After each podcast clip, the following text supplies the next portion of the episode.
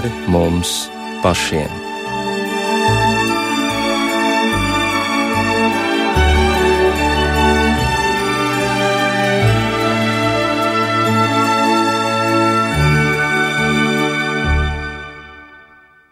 Labvakar! Kopā ar jums Rīta Brunēvica. Šajā stundā skan raidījums pāri mums pašiem, skaņu režijā Kristaps Eida.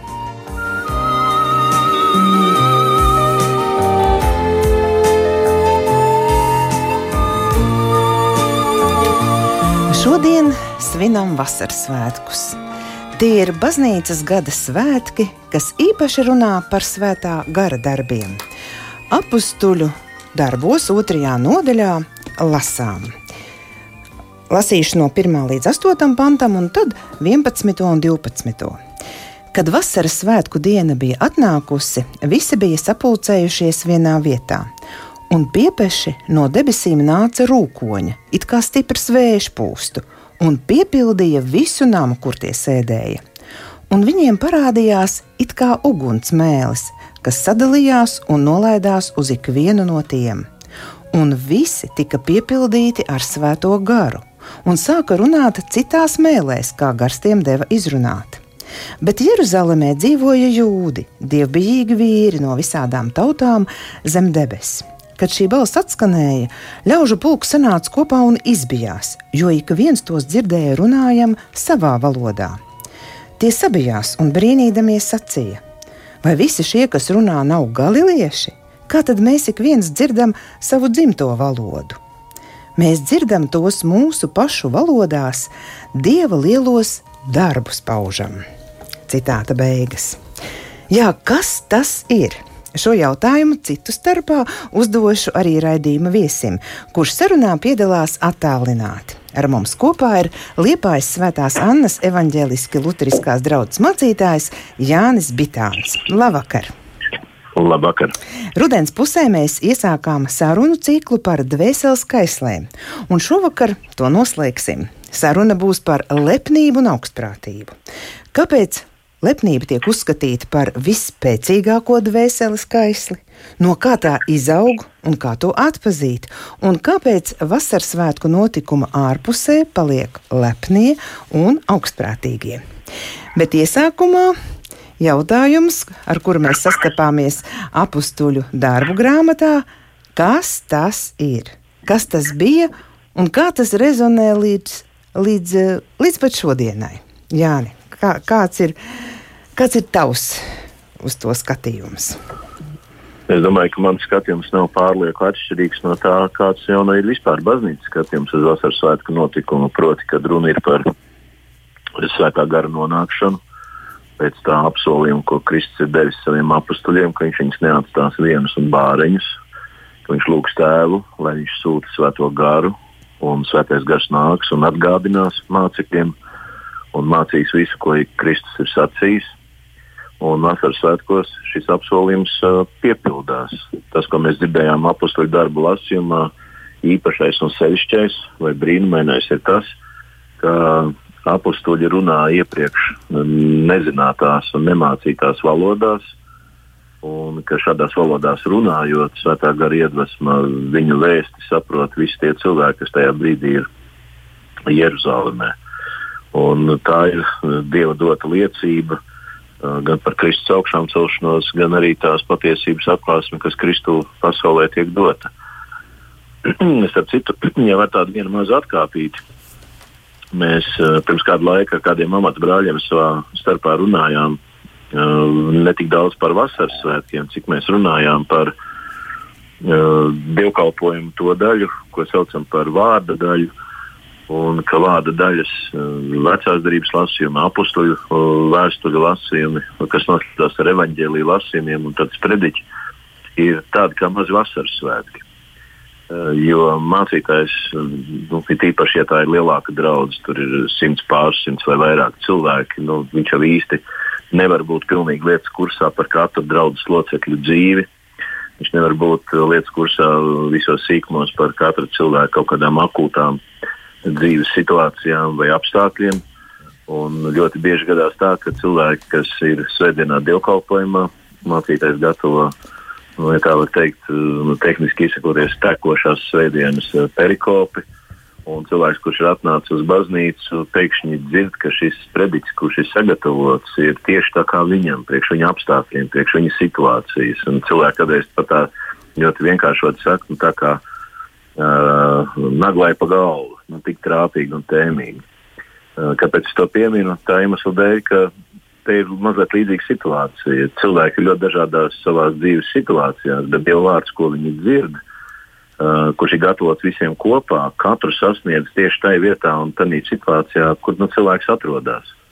Un tad mēs savā starpā runājām, nu, te nu arī gaisā varētu pat, pacelt roku un mazliet satvert dūrē un teikt, ka nu, ir tā svētā gara darbība, ka viņš iztulko uh, vēsti priekš katra cilvēka tādā veidā, kādā viņam tas ir nepieciešams un vajadzīgs to dzirdēt. Stiprinājumam, mierinājumam, varbūt pamācībai vai pārmācībai, kā nu kuram tas ir. Viņš dažādā veidā, priekš dažādiem cilvēkiem iztulko vienu un to pašu vārdu. Līdzīgi kā mēs to esam lasījuši apakšoļu darbos par to, ka tas notika Jeruzalemē vasaras svētkos. Jā, varētu teikt, ka vārds atdzīvojas, vai ne? Jo tā mēs tik bieži dzirdam vārdu, vārdu no Bībeles, vienkārši dzirdam un viss.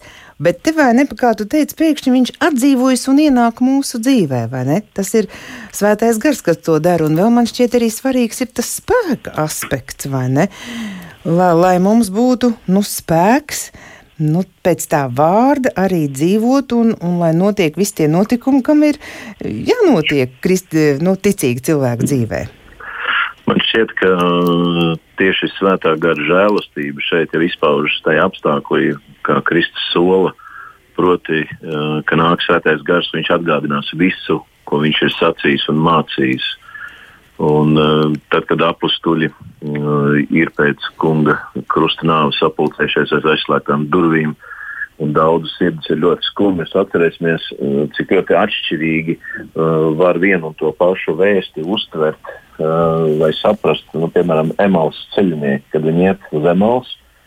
Ja es viņiem neatklāju, bet piestājas ceļā, un viņi saka, kādas ir tās lietas, par ko jūs runājat, viņi saka, vai tu esi vienīgais tāds, kurš nezina, kas šajās dienās Jeruzalemē noticis. Bet patiesībā viņi šo vārdu saka tam, ar kuru vienīgo viss ir šajā nu, laikā noticis, kurš ir miris, nokāpis ellē un augšām cēlies. Un tad mēs lasām, ka ceļā ejot uz Emausu, Jēzus viņiem nu, izskaidro Dievu vārdu. Tad, kad viņš ar viņiem lauž maizi jau mājās, viņi viņu atpazīst, bet viņš pazūd no viņa acīm. Tad mēs lasām, ka viņš saka, lai mūsu sirdis nedega, kad viņš ar mums ceļā runāja, rakstus izskaidrojams. Un te ir divas lietas. Viena lieta ir, ko viņi savā cilvēciskā prātā vērtē un domāja uh, par sevis piedzīvoto, pieredzēto un Kristus sacīto. Un kā ir tad, kad Kristus viņiem atklāja šo pašu notikumu, nu, kopsakarības. Tāpat mēs varam runāt arī par Svēto garu, uh, jo Svētais gars uh, atklāja to patiesību, nu, kāda tā savā originalitātē pastāv. Jā, mēs vēl atgriezīsimies pie vasaras svētku notikumu un svētā gara darbību, bet tagad ejam tālāk. Mūsu, mūsu temats ir par dvēseles skaisli, proti lepnību un augstprātību. Tavuprāt, tie ir sinonīmi vai ir kāda atšķirība? Nu, augstprātība vairāk būtu drīzāk tāda kā simptomātika pie lepnības. Jo runa var būt tā atsevišķa, kā kaisli ir izdalīta lepnība. Un jāsaka, ka lepnības skaisla eh, vai lepnības skaismē ir iestidzis cilvēks. Tas ir kaut kas diametrāli, radikāli pretējs eh, cilvēkam, kurš nes sevī svēto garu, vai vēl labāk sakot, kuru nes dievgars vai vada dievgars. Tas ir nu, pilnīgi pretējas lietas, jo lepnības skaislas pamatā pēc būtības ir nu, tas lepnības gars, eh, kāds bija kritušajam eņģelim kad viņš sacēlās pret Dievu. Mēs lasām pie vecās derības praviešiem tos vārdus. Tu biji nevainojams ķerups, staigāja degošu akmeņu vidū. Tu biji nevainojams līdz tai dienai, kad tavā sirdī atrada viltu. Proti, eh, kad viņš sacīs, kāpšu augstumos un būšu kā visaugstākais. Šī paaugstināšanās, eh, šis lepnums būt par Dievu, tas ir pilnīgi pretēji un diametrāli pretēji tam, ko māca staigāšana vai, vai, vai, vai būšana svētajā garā. Mēs parasti lasām galotiešu vēstulē, ka miesas skaisls ir pret gara kaislēm, vai miesas tieksmes ir pret gara tieksmēm, un šīs viena otrai stāv pretīm, tad mēs varētu sacīt, ka lepnības kaisle stāv pilnīgi pretīm tam vislielākajam tikumam, ko sauc par mīlestību. Bet mīlestība vienmēr ir ļoti cieši vienota ar pazemību. Piemēram, Dievs tik ļoti mīl pasauli, ka viņš pazemojas, kļūdams paklausīgs līdz pat nāvei. Tad, tad paklausība ir ļoti cieši saistīta ar pazemību, lepnība ar augstprātību vai paaugstināšanos. Un paaugstināšanās vai lepnība cilvēkā jau ir iesēta, vai ne? Jo skatāmies uz maziem bērniem, viņam jau patīk palielīties ar kaut ko, vai ne? Būt pārākam. Tiešām tas ir, tas ir mūsos iesēts. Nu, tā kā mēs esam par visām kaislēm runājuši, ka katrai kaislei ir uh, kaut kāds tā saucamais nulpunkts, uz kā viņa ir kroplīgā veidā attīstījusies. Kad grēks ir kaut ko labu samaitājis, tas vēlāk kļūst par kaislas stāvokli. Un parasti mēs tā domājam, ka lepnībai pretīm varētu likt pazemība, bet patiesībā lepnības pretējais tikums ir mīlestība. Un, ja lepnu garu ar kaut ko nu, cilvēkā, es domāju, mēs nevaram runāt par demonisko pasauli, bet ja lepnu cilvēku garu var ar kaut ko laust, vai atkausēt, vai kaut kādā veidā mīkstināt, tad tas katrā gadījumā nav kaut kas saistīts ar pazemības tikumu, bet ar mīlestību. Nekas cits tādu nu, baisu ledu nespēja atkausēt. Bet kas tad tieši ir lepnība? Tas mums ir svarīgi noskaidrot, jo lepnība tiek uzskatīta kā grēks, vai ne? Bet, bet teiksim, nu, cilvēks grib būt kaut kas, viņš grib izrauties no pūļa. Nu, kas tur būtu aplams? kādā kontekstā mēs to raugāmies. Apostols Pāvils saka, ka ik viens skrejējs stadionā grib saņemt uh, vainagu, uh, nu, tādu lauru vainagu, kā, kā tas bija. Nu, ja kā balvu, vai ne? Jā. Un tad viņš salīdzina un saka, ka nu, viņi skrien pēc nīcīga vainaga, mēs skrienam pēc neiznīcīga. Vai citā vietā viņš saka, ka kāds, kurš iekāro bijis kā pamatu, tāds ir uzteicams cilvēks. Jo viņš iekāro tādu kalpošanu, kurā cilvēks patiesībā kalpo visiem pārējiem. Nevis jāsās pār visiem, bet noliecās pie visiem, kā mēs to redzam pie Kristus piemēra kāju mazgāšanā pēdējo vakariņu laikā. Uh, tāpēc, teiksim, nu, runājot par, par, par, par, par lepnību, tad mums ir jārunā ne tik daudz par mm, kaut kādu dzīšanos pēc debesu valstības, dzīšanos pēc tikuma mantošanas, bet uh, mēs redzam to citā kontekstā, kad uh, cilvēks dzenas pēc sevis paaugstināšanas, lepnības kaislis, uh, simptomātika ļoti plaša, bet tie nesošie tādi simptomi ir tie, nu, kurus mēs varētu aprakstīt kā, piemēram, nu, citu cilvēku neievērošana, nievāšana, ignorēšana, izsmiešana, uh, kādreiz izņirkšana, pazemošana. Uh, tas nav tā kā godkārtas kaislē, par ko mēs esam runājuši, nu, ka tas būtu kaut kas tāds, nu, ka cilvēks vienkārši sevi grib redzēt centrā. Lepnība tai ziņā ir daudz agresīvāka. Uh, cilvēks otru ir gatavs nu, atstāt, kā saka, zem savām kājām, aiz muguras, uh, neievērot, nepamanīt. Un tāpēc ne, nevelti tautai tas teiciens, Šodien jau tā politiski korekti nedrīkst teikt, uh, kur novēlu parasti to, bet nu, viens no briesmīgākajiem lāstiem vai novēlējumiem cilvēkam ir kaut viņš palikt lepns. Jo lepnības skaistā stāvoklī ir ļoti grūti atgriezties. Uh, ne sevī ir iespējams kum kumulēt kaut kādus spēkus. Uh, nedz arī citi vienmēr ir varbūt spējīgi palīdzēt lepnai dvēselē, iegūt atpakaļ pazemīgu stāvokli un tādu nu, saka, veselīgu dvēseles stāvokli. Tāpēc uh, lepnība ir vienmēr cieši saistīta ar manas iepriekš minētajām lietām, kuras faktiski notiek tikai tam dēļ, lai cilvēks paceltu savu autoritāti, savu varu, savu vārdu, savu spēku, nu, vai vēl kaut kādas savas personiskās īpašības. Mm, jā, tas ir ļoti svarīgi atzīt lepnību. Man šķiet, ka tā nevienmēr ir pamanāma. Labi, kā tu jau pieminēji, nievāšanu un izsmiešanu un pazemošanu mēs tā pamanām. Bet, nu, teiksim, lepnība, jā, salīdzinājumā ar dusmām, kuras uzreiz atpazīstam vai rību, bet varbūt ir arī kādas slēptākas formas. Nu, piemēram, cilvēks vienmēr tikai runā par sevi, vai ne? Es tā iedomājos, tikai par savām darīšanām un savām interesēm. Vai tā arī nav lepnība? Es domāju, ka mēs balansējam starp divām kaislēm, starp godkāri, kad es runāju tikai par sevi, kaut kādu atzinību un godu meklējot, un tad lepnību, kas ir atšķirīga ar to, ka es ne tikai sevi gribu redzēt centrā, bet es gribu redzēt pāri citiem, augstāk par citiem. Uh, pat tādā kontekstā, ka citu pazemoto priekšā sevi paaugstinātu. Tāpēc es pieminēju iepriekš to vārdu, ka tā ir agresīva kaisle un nav tik apslēpta kā varbūt godkāra vai kādas citas kaisles, par kurām esam runājuši. Jā, lūk, būtiska atšķirība, kā tu teici, vai nu centrā, vai nu pāri visiem. Nu, centrā jau, es domāju, nu, daudziem ir gribējies būt šādi un tad, vai ne, uzmanības centrā, uzmanības lokā. Un tas varbūt arī ir saistīts ar cilvēku raksturu. Un, un vai nu tas nu uzreiz būtu grēks? Bet... Raksturu audzināšanu, dažādām dzīves kontekstu situācijām. Um, kā jau mēs runājam par godkāri, ka šī kaista var veidoties pilnīgi nu, atšķirīgos uh, apstākļos. No vienas puses, Uh, tā var būt pilnīgi varbūt tās bez ievērības atstāta cilvēka kaisla, ka viņš vēlāk kompensē nesaņemtu uzmanību ar tādas uzmanības ļoti nu, kroplīgu vai slimīgu pieprasīšanu uh, vai, vai, vai izprasīšanu. Un otrs ir, ka cilvēku var šajā godkārtas kaislē ievadīt nu, tādu ļoti nepamatotu slavināšanu, nemitīgu izcelšanu, lielīšanu, ka to var arī nu, ieaudzināt un veicināt. Tā kā pat pilnīgi pretēji no plusa līdz mīnusam. Uh, Bet, ja mēs runājam par lepnību, tad ir runa par to, ka tā tiešām ir kaišļu kaisle. Un, uh, ka, nu, krieviem ir tāds labs teiciens, uh, satanā gar ģilsas ņebas vaļilsi.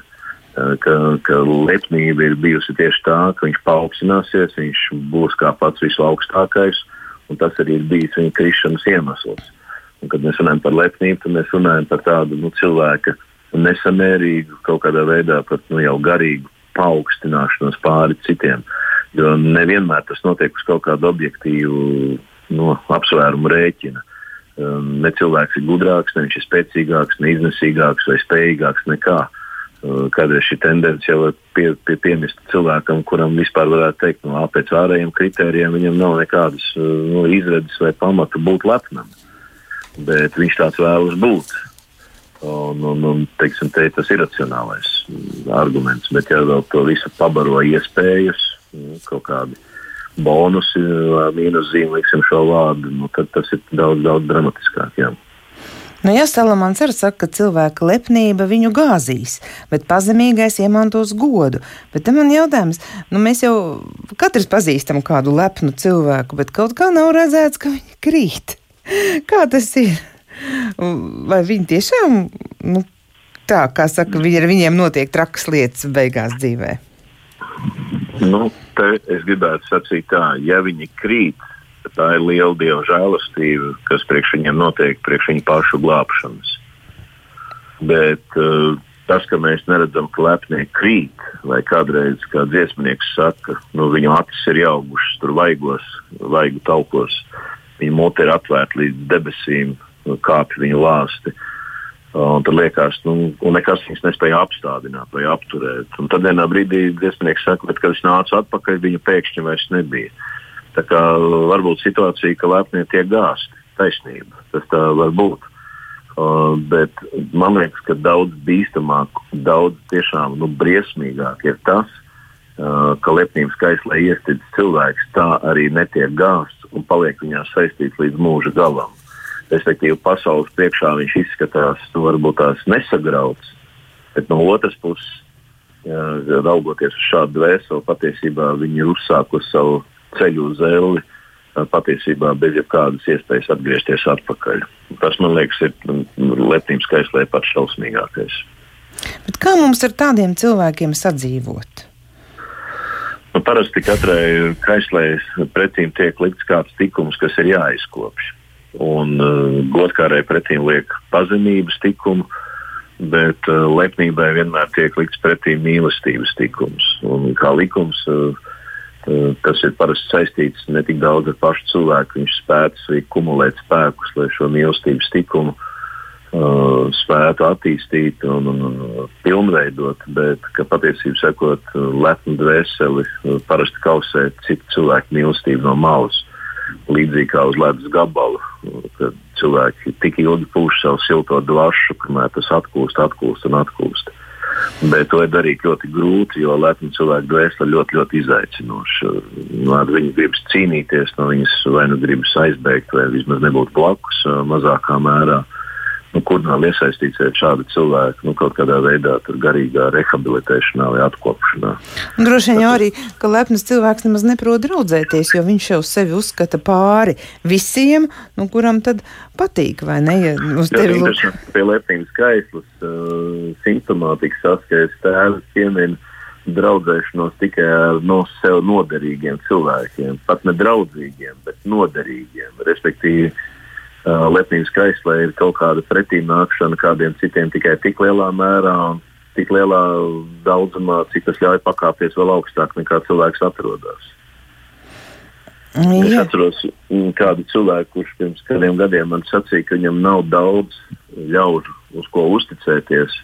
Ja tikai ļoti daži paši, paši tuvākie, savus ģimenes locekļus ieskaitot. Un es teicu, kā tā var būt? Viņš teica, tāpēc, ka es kļuvu diezgan turīgs īsā laikā.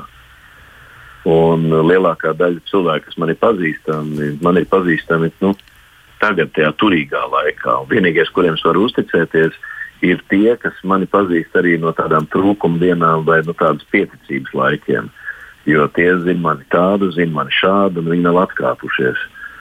Tāpēc man liekas, arī pie lepnības skaislas nu, tā ir ļoti novērtējama lieta. Ja ir kādi cilvēki, kas lepni dvēseli spēj kausēt, panest, lūgties un, darīt visu, lai šādu cilvēku nu, atbrīvotu no šī baisā gūsta, kas ir lepnības skaisla.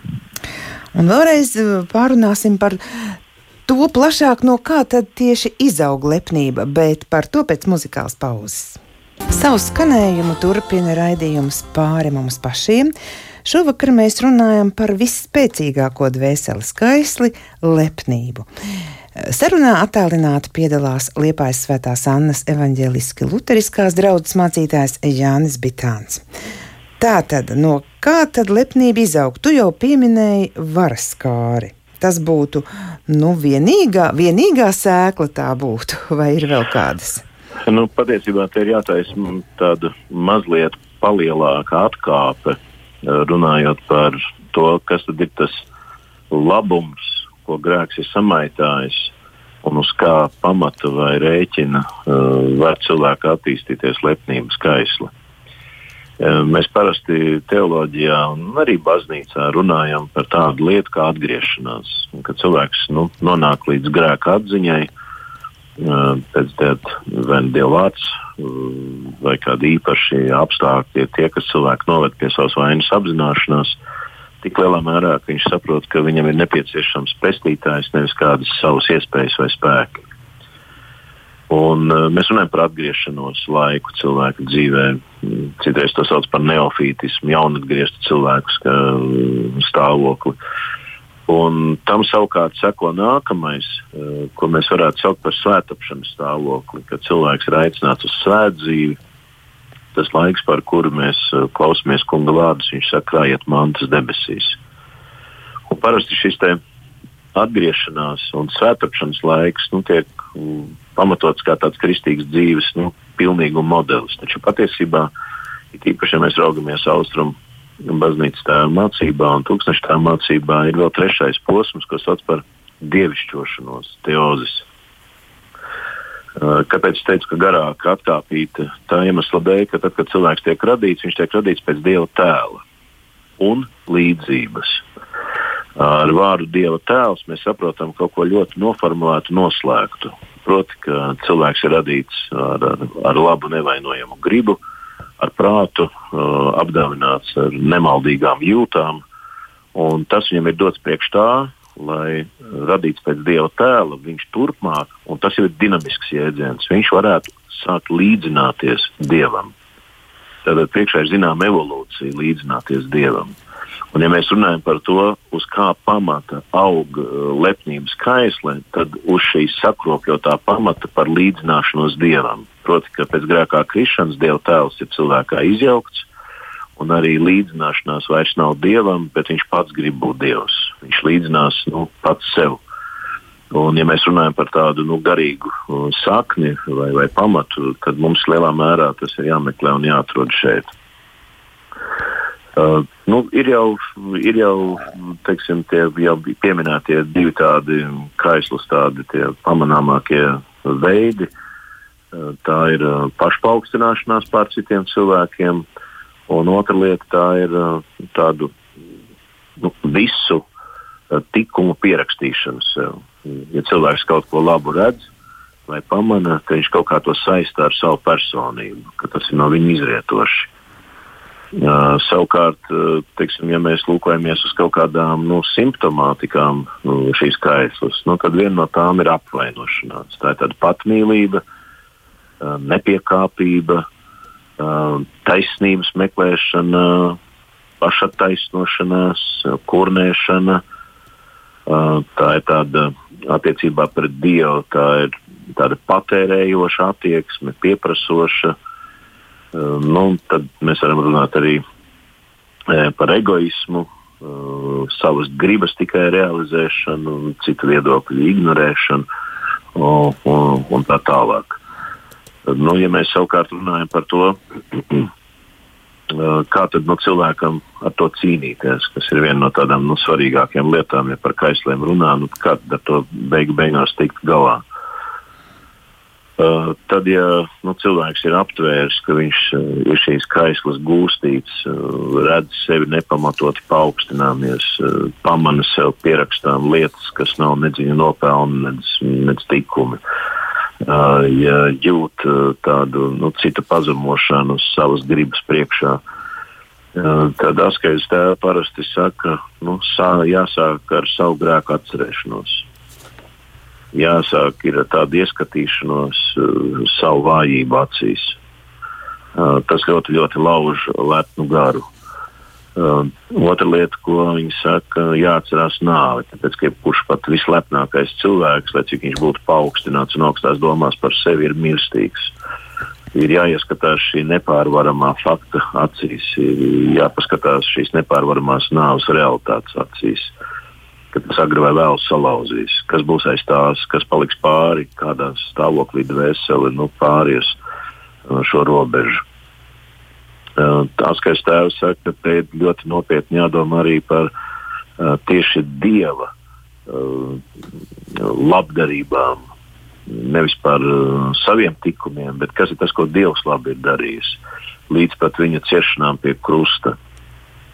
Un tāda otra liela lieta ir vai tāda disciplīnas grupa ir uh, sevis nu, tiesāšana, uh, savu vainu apzināšanās, paškritika. Cilvēkiem ir jāmeklē tas, kas stāv aiz šiem vārdiem. Kā arī pirmajā brīdī liekas, vispār pat lepn, lepnības kaislē saistīt, un cilvēkam vispār ir jāatrod, kas ar šiem jēdzieniem stāv. Paškritika, piemēram, Trešā, trešā lielā tāda, nu, aktivitāte, uz ko cilvēks tiek aicināts, kas ar šo kaislu sirgst, tā ir nu, spēja prasīt palīdzību citiem cilvēkiem. Tāpēc šī ir viena no tādām praktiskākajām lietām. Spēja prasīt palīdzību, spēja lūgt citiem kaut ko izdarīt sevis labā.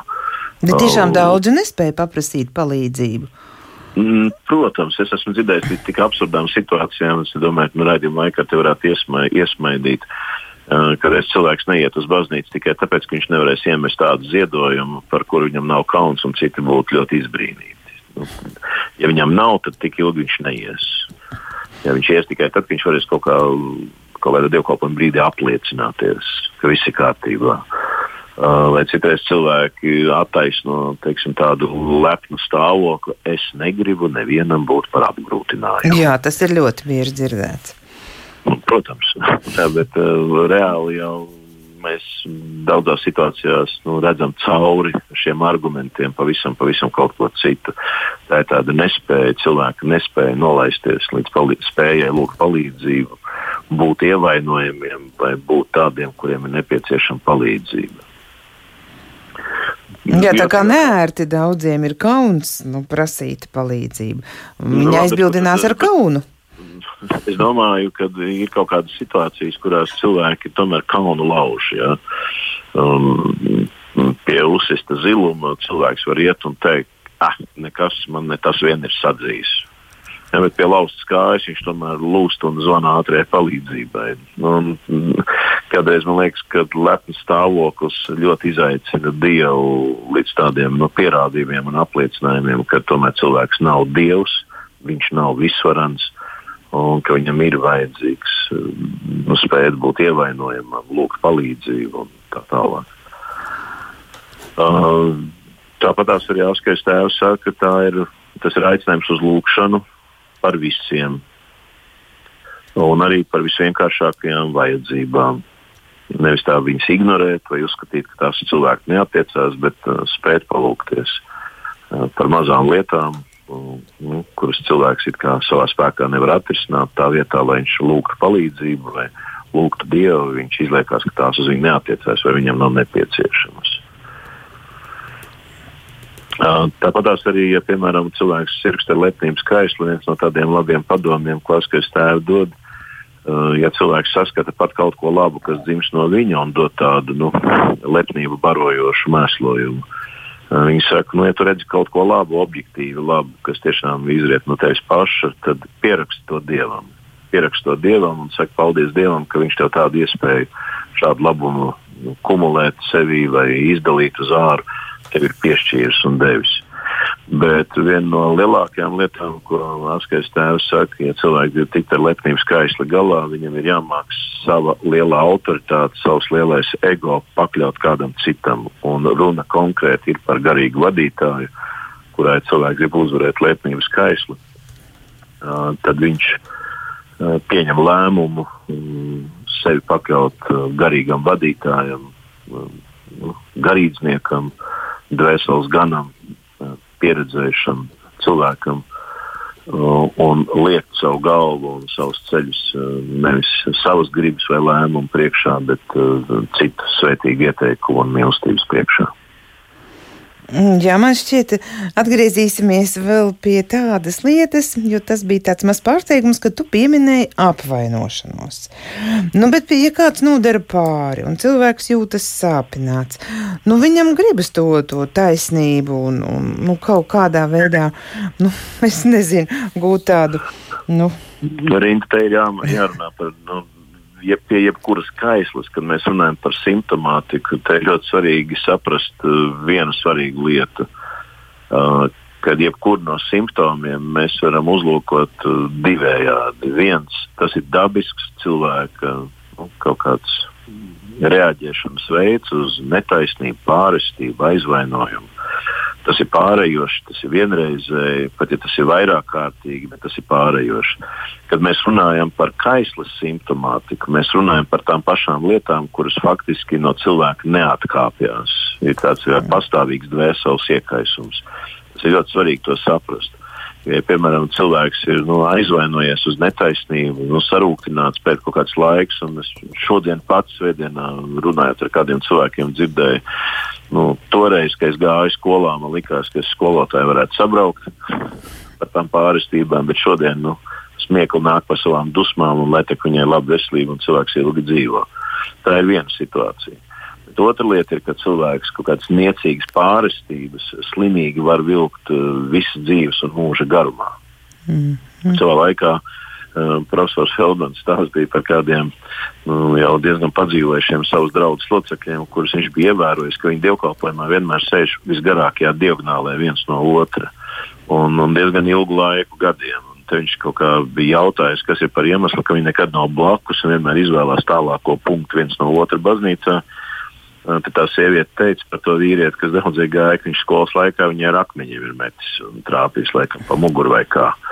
Un tad viņi to līdz mūža beigām nes. Tā ir mazliet cita situācija, kad mēs esam dabiski jūtīgi pret aizvainojumiem, pazemojumiem, netaisnībām, un kad mēs esam teiksim, ar tādu nepārējošu, tādu nu, iekaisušu dvēseli, es parasti lietoju to terminu, tādu nemitīgu, nepārējošu stāvokli. Pat par niecīgām lietām mēs uzturam nepamatot lielas prasības. Tā ir liela atšķirība.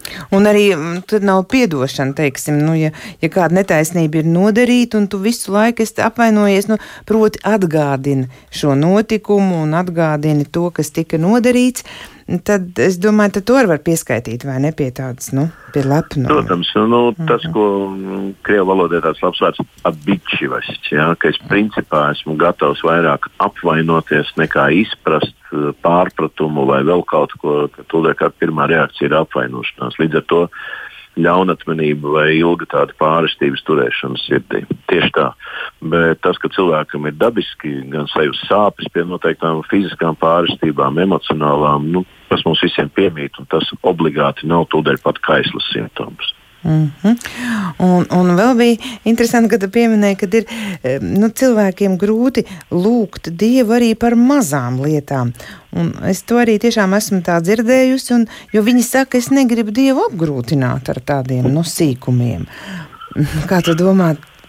Nu, ja Dievu kāds baidās apgrūtināt ar maziem sīkumiem, tad jādomā, kāds ir viņa priekšstats par Dievu, kas viņam ir grūti vai kas viņam ir viegli. Es domāju vairāk par vienu citu situāciju, ka tad, kad runājam par tieši lepnības kaisli, eh, ka cilvēks principā mazas lietas neuzskata kā tādas, kas viņu varētu skart. Lepnam cilvēkam, ja ir grūtības, tad viņas ir kaut kādas pasaules mēroga grūtības. Un tieši šī iemesla dēļ, es pat teiktu, terapeitiski viņam ir jāmācās lūgt uh, Dievs mazās lietās. Uh, tam pretim varētu likt pilnīgi otru graumāli. Piemēram, ka ir cilvēki, kas ļoti konkrēti lūdz Dievam, ko viņi otrā dienā grib iegādāties, ka viņiem ir vajadzīgas ādas 43. vai 42. izmēra kurpes un tāda sīkumainība. Un tā ir tiešām tāda, nu, nezinu, slimīga, sektantiska vai vēl kaut kāda nu, pasaulīga lūkšana, uh, nu, kurai nav nekādas jēgas.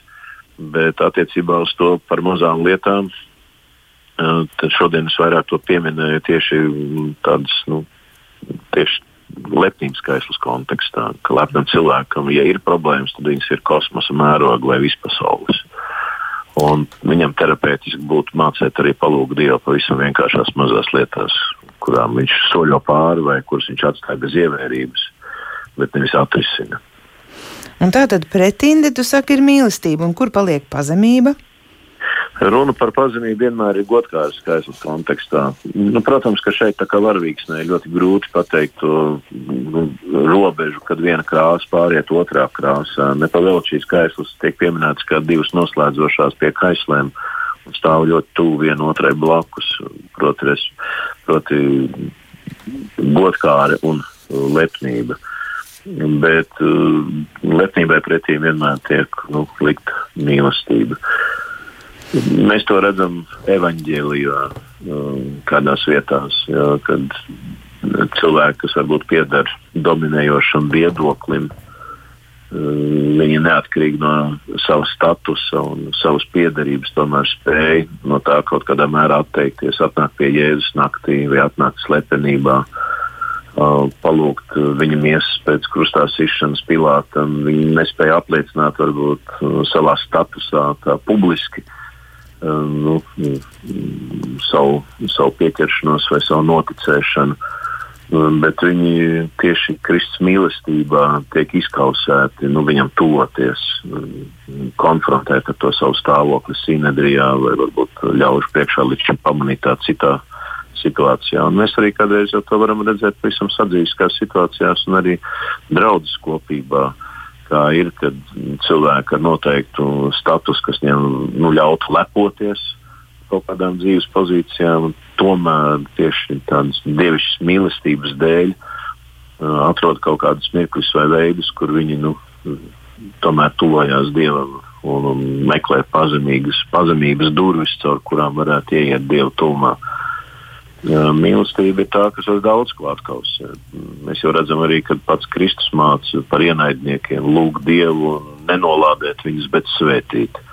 Un man ir viena tāda nu, ticības dzīves pieredze un epizode, kad cilvēks, kurš ir meties ar tādiem nu, apvainojumiem man virsū, es toreiz biju jauns teoloģijas students un dedzīgs darīt visu kā Bībelē, pantu pa pantam. Es toreiz atceros, ka es cilvēku sāku svētīt ar āronu svētīšanas vārdiem, laipnā formā. Uh, Un cik ļoti labi varēja redzēt nu, to, to izmaiņu. Pirmkārt, cilvēks apklusa, un otrām kārtām tā, ja neko nesaka vairs pretīm, tad ļoti klusi, mierīgi pagriežās un aiziet.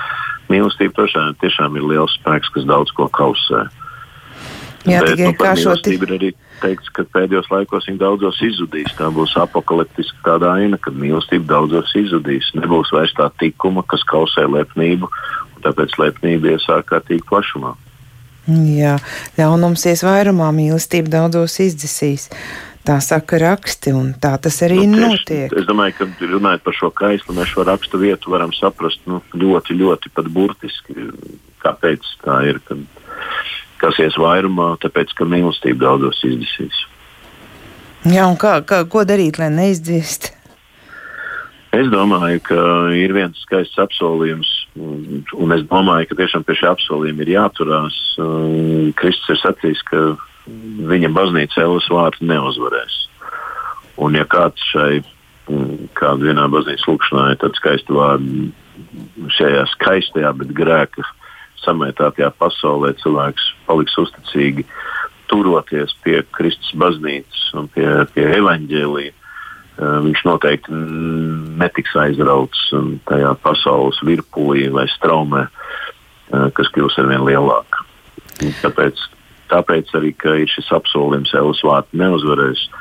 Neviens nevarētu tā teikt, ka, lai cik traki pasaulē būtu, ka nav tādas vietas, kur patvērties. Tā vienmēr būs. Un vēl atgriežoties pie vasaras svētku notikuma, teicu, ka par to vēl raidījuma noslēgumā parunāsim. Tad kāpēc ārpusē paliek lepnie un augstprātīgie, un viņi netiek pie šī svētā gara spēka? Tāpēc, ka Dievs sevi atklāja pazemībā. Dievs tik ļoti mīl, ka viņš ir pazemojies un kļūst pazemīgs līdz pat krusta nāvei. Uh, tas, kādā veidā Dievs ļauj cilvēkam sevi sastapt, eh, tas ir caur viņa pazemību. Un, ja Dievs nāk pretī cilvēkam pazemībā, tas nozīmē, ka viņš uz pazemības ceļa arī satiek, satiek garu un salauztu sirdi. Nu, Dievs nenoraidīs. Dievs, kurš pazemojās, nāk pretī cilvēkam, kurš ir satriekts un sagrausts. Un Tas ir pilnīgi axiomātiski, kad uh, šādā situācijā cilvēks, kurš savukārt nespēja ne lauzt sirdi, ne, ne, ne, nebūt satriektā garā, bet kurš vēl vairāk ir pacēlies pāri, vai nu, es varētu šodien tā teikt, uzpūties kā balons. Protams, ka viņš, nu, viņš ir pilnīgi stāv ārpus uh, šīs dieva atklāsmes un dieva un cilvēka sastapšanās vietas.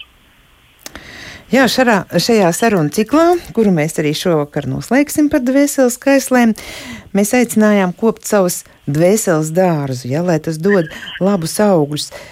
Un tieši mājas ir tas laiks, kad mēs iekopjam dārzus, ja, tie, kas to dara, zina, ka neko nevar izaudzēt, ja nav pareizās augsnes.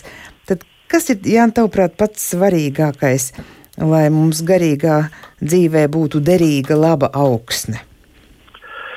Vai tas ir gandrīz vēl viens raidījums? Jā, bet es gribētu noslēgumā sacīt tā, ka Ādamam, pirmajam cilvēkam, Dievs deva pavēli attiecībā uz ēdienas dārzu - kop un sargā. Un tas bija dārzs, kurā viena upe sadalījās četrās straumēs vai četrās upēs. Un es pilnīgi uh, nu, līksmoju iekšēji un priecājos par tām atziņām, ko ir pauduši tēvi. Ka viņi saka, ka jaunā paradīze ir cilvēka dvēsele, kuru Kristus pārrada ar kristības brīdi, ar ticības atzimšanu cilvēkā. Šī jaunā ēdena ir katra cilvēka dvēsele. Un šajā dvēselē visa apūdeņošana notiek no tās vienas traumas, kas ir Kristus, kas sadalās un mums ir sastopama un sadzirdama, smeļama četros evaņģēlijos. Ja cilvēks paliek pie Kristus vēsts, kas mums ir četros evaņģēlijos, un rūpējas par savu dvēseli kā prēdienas dārzu, kopj to, sargā, sargā no tā, kam tur nevajag būt, kopj tā, kā Dievs ir pavēlējis, nu, tad es domāju, ka tā arī ir tā gan augstīgā gan auglīga augsne, gan arī nu, tas pirms tās paradīzes, ko cilvēkiem Dievs ļaus ieraudzīt, tā mazā paradīze, ko katrs var redzēt sevī. Un, un vēl atgādina mums visus tos tikumus, jo mēs tik daudz runājam par tiem netikumiem, vai ne par tām kaislēm. Bet kas bija tie astoņi tikumi pretī tām astoņām dvēseles kaislēm, nu, kurām tad ir jābūt tajā labajā augsnē? Kad runājām, lielie astoņi tikumi pret astoņām kaislēm, pirmā ir uh, atturība, šķīstība, mēs sakām, mantas nekārība, pazemība, cerība, tāda skaidrprātība, pazemība un mīlestība. Nu, tur varētu arī būt citādāki tulkojumi vai, vai interpretācijas tiem tikumiem. Bet uh, arī par tikumiem runājot, mums ir jārunā par tiem tikai tik ilgi un tik lielā mērā, cik, tā, cik tie ir kā uh, kaišļu pretmeti. Uh, ka mēs uh, cīnoties ar kaislēm, ne tik daudz pievēršam uzmanību pašai kaislē, cik lielā mērā cīnāmies, lai izkoptu kaislē pretēju tikumu. Uh, Bet ar tikumiem ir līdzīgi kā dāvanām, ka vienā brīdī tie apklusīs, un ka debesīs nebūs vairs jātiecās pēc kaut kā izlabošanas, jo tur viss ir pilnīgs.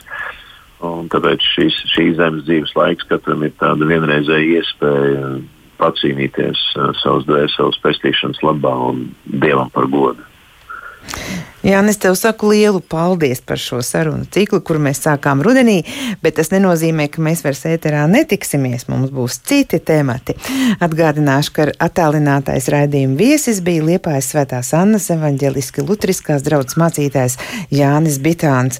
Un paldies par šiem vārdiem, ka jaunā paradīze ir katra cilvēka dvēsele. Nu, lai, lai viss tur jums skaisti zieda. Tiešām kopsim un sargāsim savu dvēseles dārzu. Izskan raidījums pāri mums pašiem, to vadīja Rīta Bružēvica, par labskaņu rūpējās Kristaps Eida ar labvakaru.